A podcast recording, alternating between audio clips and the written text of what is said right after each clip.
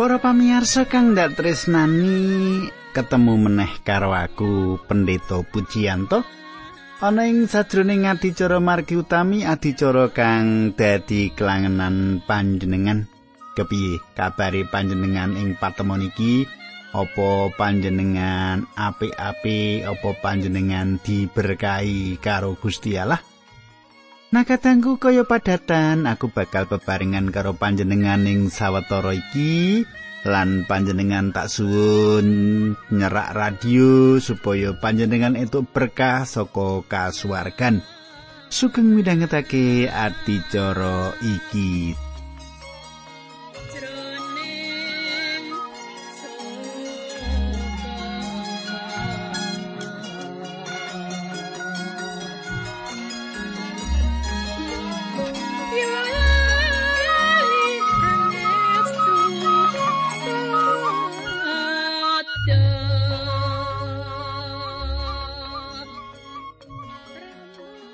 Sumitraku panjenengan mestine kelingan apa kang ndaturake ana ing adicara margi utami kepungkur. Ing patemon kita kang kepungkur kita wis nyemak kepiye Gusti paring dawuh supaya umat kagungani nyaosake kurban daharan marang Gusti. Sebanjuri kepriye panjenengan ndak derekake nyemak ana ing patemon kita iki nanging aku ngaturake salam dhisik sadurunge ndedonga marang Ibu Retno. Ibu Retno. Kados pundi Ibu Retno? Menapa anggenipun mulang wuruk? Panjenengan mendidik lari-lari. Menika tansah gancar lancar kados pundi menapa wonten mriki ugi hawanipun adem inggih. Inggih Bu. Sugeng midhangetaken ati cara menika. Katanggu ayo kita tetunggo sesarengan. Duh Kanjeng Rama ingkang adhedhampar wonten kratoning kasuwargan kawula ngaturaken bunging panuwun. Menawi ing wekdal menika kawula saged tetunggilan kalian sederek-sederek kawula ingkang setya midhangetaken adicara menika.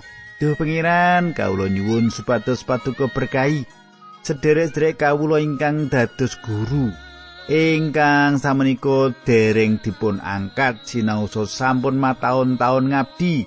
Duh pengiran kawula nyuwun sepatus paduka mirsani para guru-guru menika ingkang kumandel kalian paduka supados saged diangkat kanthi kebak kejujuran dados menapa ingkang dipun idam-idamaken. Dinambaran asmanipun Gusti Kawula Yesus Kristus kawula ndedonga haleluya amin.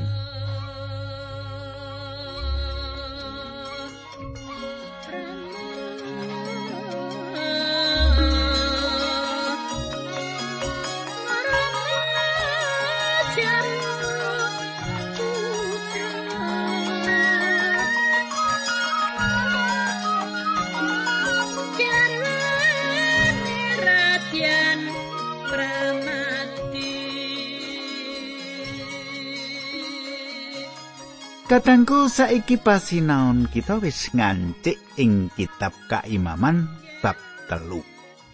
Saiki pasinaon kita wis ngancik ing kitab kaimaman bab telu.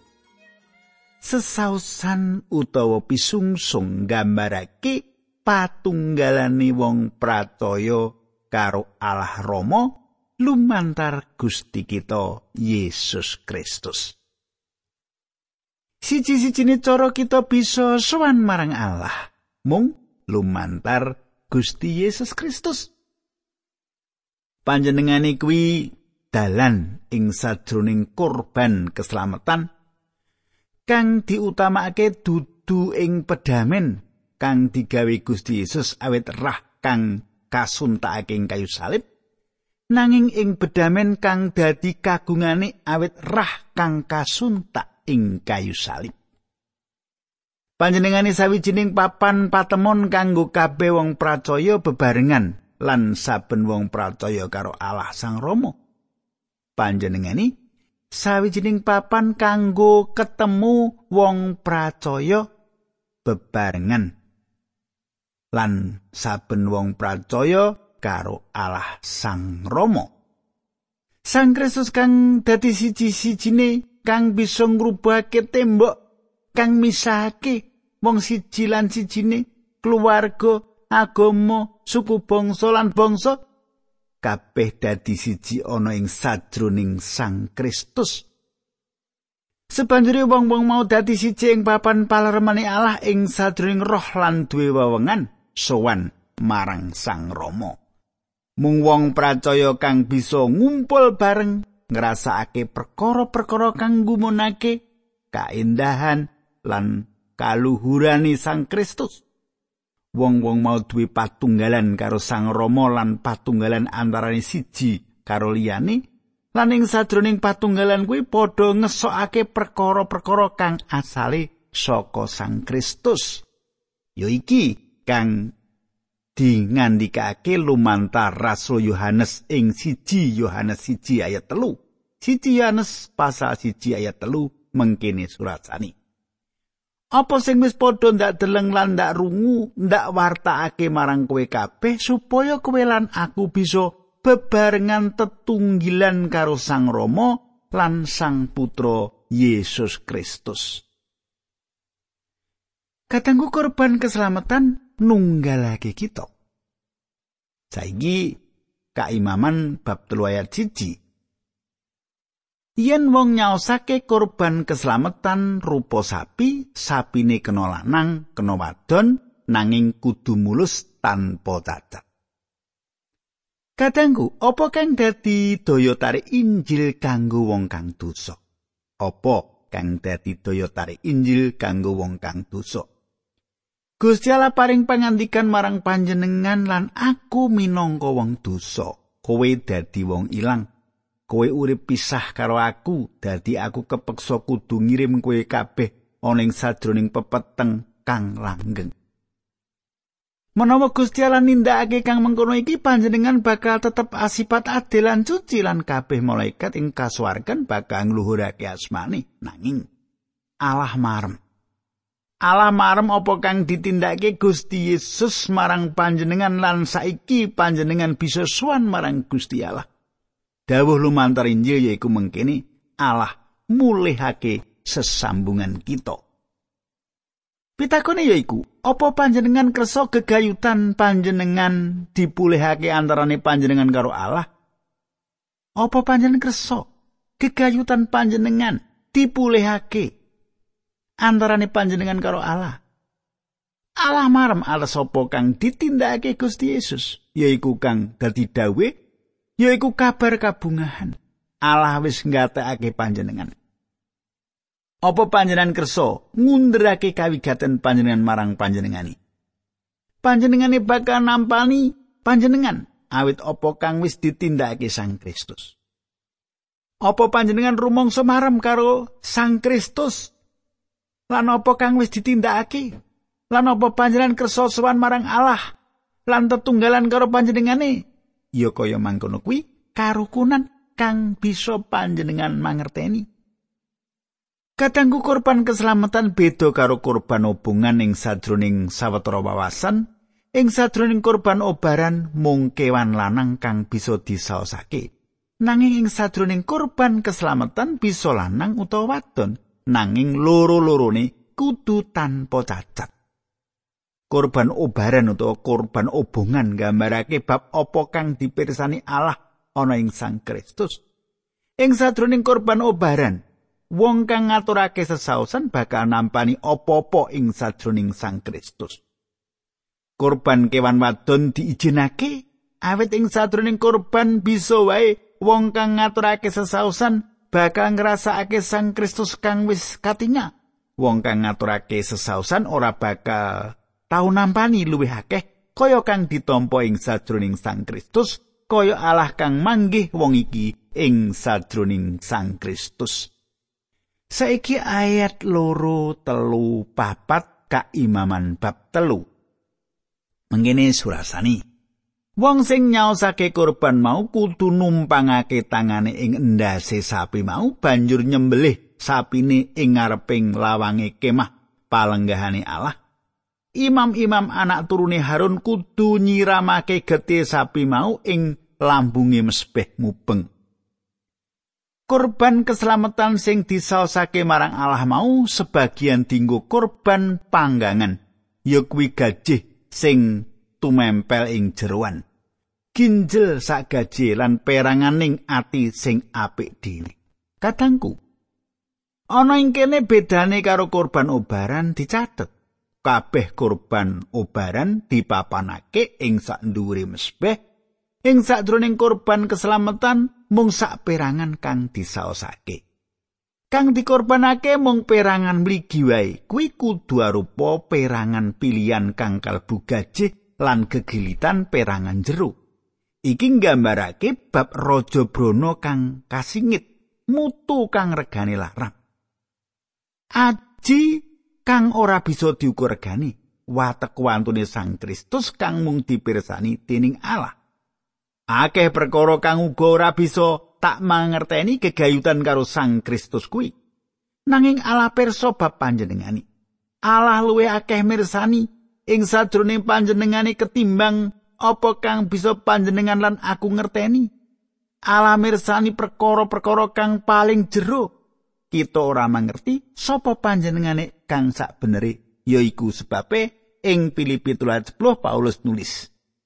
Mung sak perkara sing ndak udi ya kuwi kepriye bisaku wanuh karo Sang Kristus lan ngrasakake panguasane wungune saka ing sedo sarta nderek ngalami kasangsaran lan sedani. Saiki bali marang kitab Kaimaman bab telu Kiakar maca ayat 5. Kabeh mau kudu diobong bebarengan karo perangan liya-liyane ing mesbeh dening imam gandane korban panggangan mau gawe renaning penggali Allah. Katangku, sesausan kuwi kudu entek diobong nganggo geni lan iki nggambarake bab pisungsung sakwutuhe Sang Kristus lan ujian kamanungsan lan kasangsarane. Perkara iki disebutake mligi gandane korban panggangan mau gawe renaning penggali Allah. Kadangku kang diutamakake tetep ana ing pribadine Sang Kristus lan kutu ing pakaryane. Sugeng Gusti Yesus kang sampurno kang katon, tutu sedani kanggo nebus dosane manungsa. Panandange ing sajroning kasugengane dudu kanggo dosa jagat. Malah ana ing tulung jam kang kawitan ing kayu salib, panandange ana ing tangane manungsa. Ing tulung jam kang pungkasan ing kayu salib iku dadi sawijining mesbeh ing ngendi putrane Allah dipisungsungake lelimengan ngalimputi mripate manungsa ing jam kang pungkasan iku nalika Gusti ngersakake ngremuk panjenengani kanthi lara kang banget nalika Allah mapanake panjenengani ana ing sajroning kasangsaran nalika panjenengani andhatake sarirane dhewe minangka pisungsung kanggo dosa panjenengan gatekake korban keselamatan dipapanake bebarengan ing sajroning kurban obaran loro-lorone dadi siji kanggo antuk pangerten kang sawutuwe bab aji lan jerone saha kaluhurane Sang Kristus. Kaimaman bab telu ayat 6 lan pitu. Mengkene surasane. Yen sing disaosake ing kurban keselamatan mau rupa wedhus gembel utawa wedhus Jawa, kena lanang kena wadon nanging kudu mulus tanpa cacat. Yen sing disaosake rupa wedhus gembel. Kadangku cempe meratelake sawijining patokan mligi bab patek bantu Sang Kristus lan awit saka iku iki sawijining kurban kang pas ing sadroning kurban keselamatan.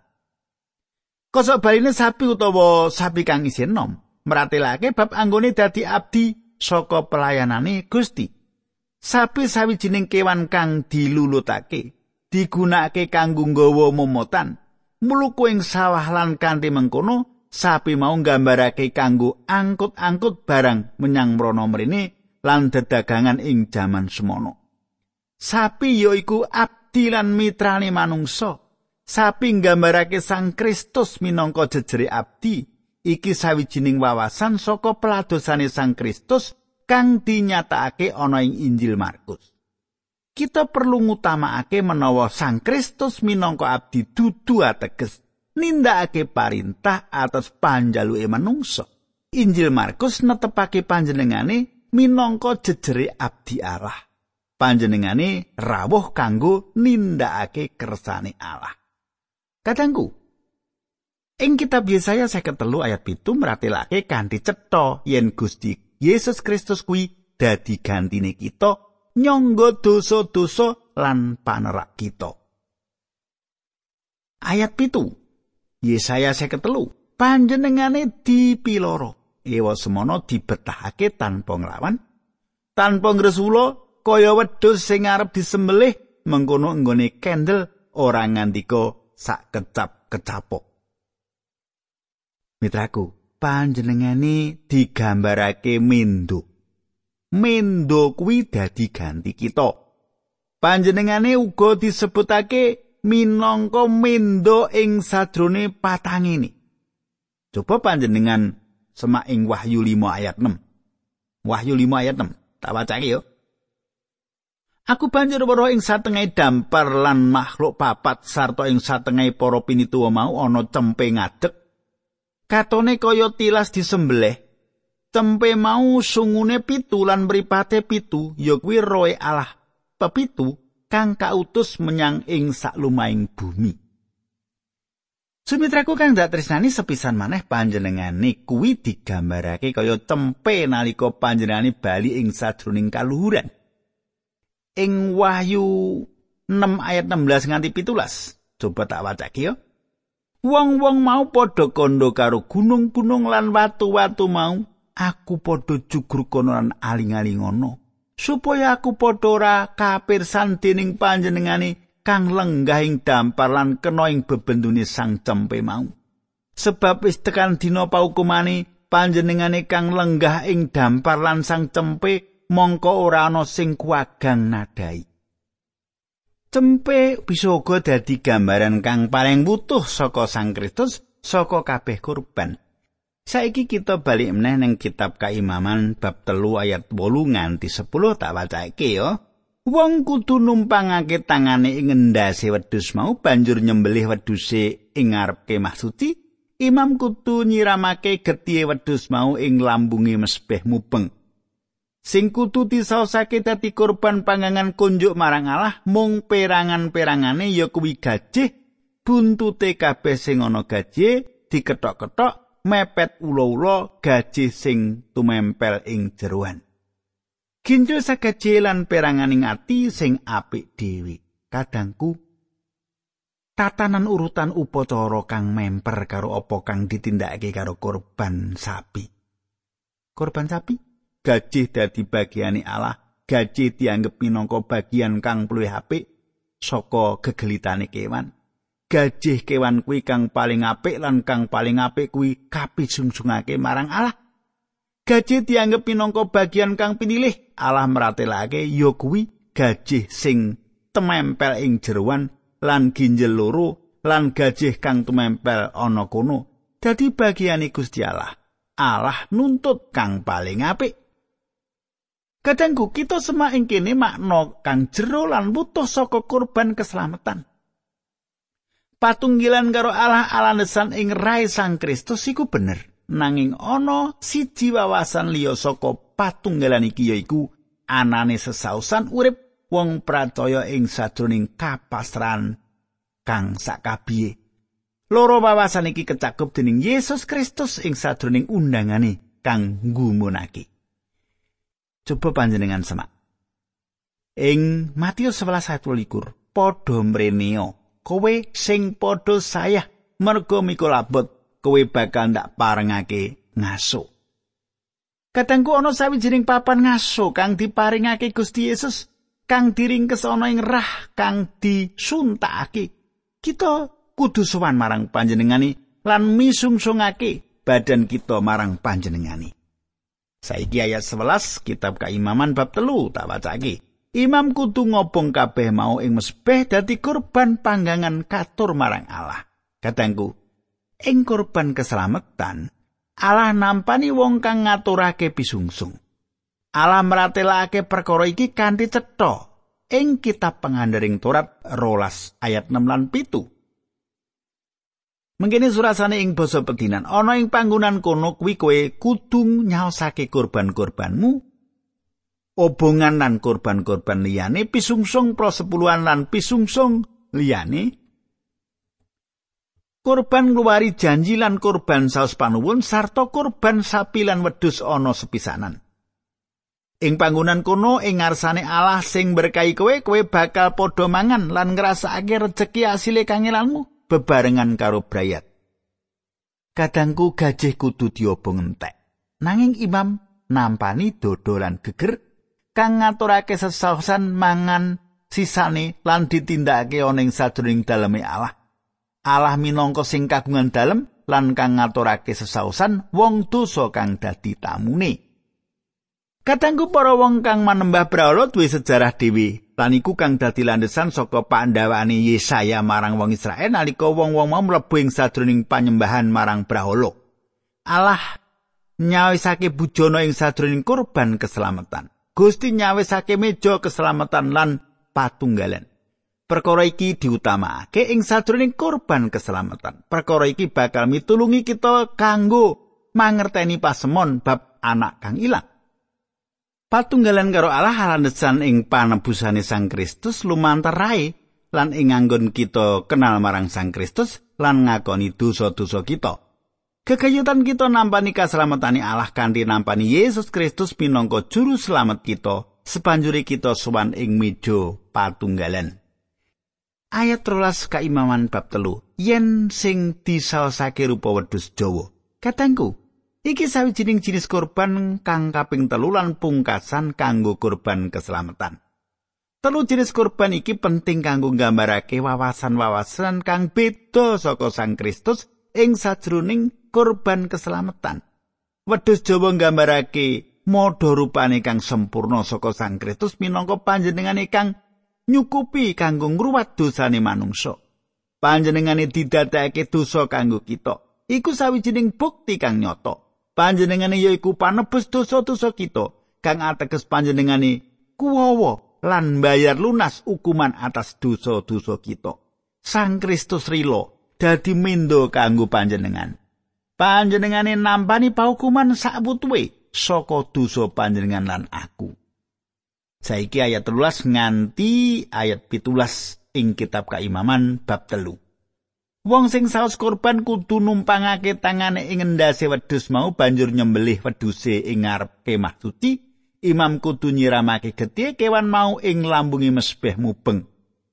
sing kudu disaosake imam dadi korban pangangan katur marang Allah ya kuwi gajih kabeh sing tumempel ing jeruan ginjel sagaji lan perangan ing ati sing apik dhewe kuwi mau kabeh diobungo dening imam ing mesbeh dadi korban pangangan sing gawe renaning penggali Allah gaji kewan mau kabeh kasausno marang Allah wong Israel sapa wae ora kena mangan gaji utawa getih pernatan iki kanggo selawas-lawasi lan kudu ditetepi dening saben wong Israel sing padha manggon ing ngendi wae. Kadangku panjenengan gatakake ana loro pratela ing kene kabeh gajih yaiku dadi kagungan Gusti. Lan aja pisan-pisan kowe mangan gajih lan getih. Kang dadi alasan anggone ora marengake mangan gajih yaiku awet gajih sawijining hak Gusti Allah. Manungsa dielingake yen dhewe ditebus kanggo getih. Menawa kita kudu ngrasakake sawutuhe patunggalan kita karo Gusti Yesus, yaiku sawijining kang kudu lan kita ngaturake kang paling apik marang panjenengane. Kadangku, hukum korban keselamatan paringake ana ing sadroning kaimaman pitu ayat 11 lan 18. Iki sawijining perkara kang paling jembar saka lima korban lan sawijining korban kang pungkasan. Ajining saka korban-korban iya kudu mlebu menyang jerone korban sadurung kita bisa ngrasakake katentremane Allah. Kita bakal ngrembug kang luwih gemet ing bab itu. Harun lan anak-anake para imam nampa bagiane saka korban keselamatan yaiku daging dodolan geger. Dodo nggambarake bab katresnane Sang Kristus kanggo kita lan geger nggambarake bab panguwasa lan kekuatan Sang Kristus. Panjenengane kuwawa nyelametake wong kang paling ilang. iki sawijining bagian kita ing sajroning Sang Kristus. Apa panjenengan mirengake panjenengane ana ing sajroning korban keselamatan panjenengane? Kadangku, kepriye teruse saka perangan iki kita bakal nyemak ana ing ayat-ayat sateruse saka kitab kaimaman iki.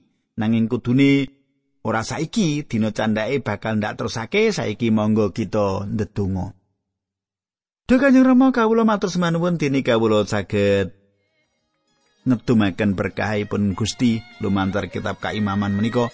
Kawula nyuwun Sang Roh Suci piyambak ingkang njlentrehaken dumateng sedherek-sedherek kawula menika. Dinambaran asmanipun Gusti Yesus kawula netunggal. Haleluya. Amin.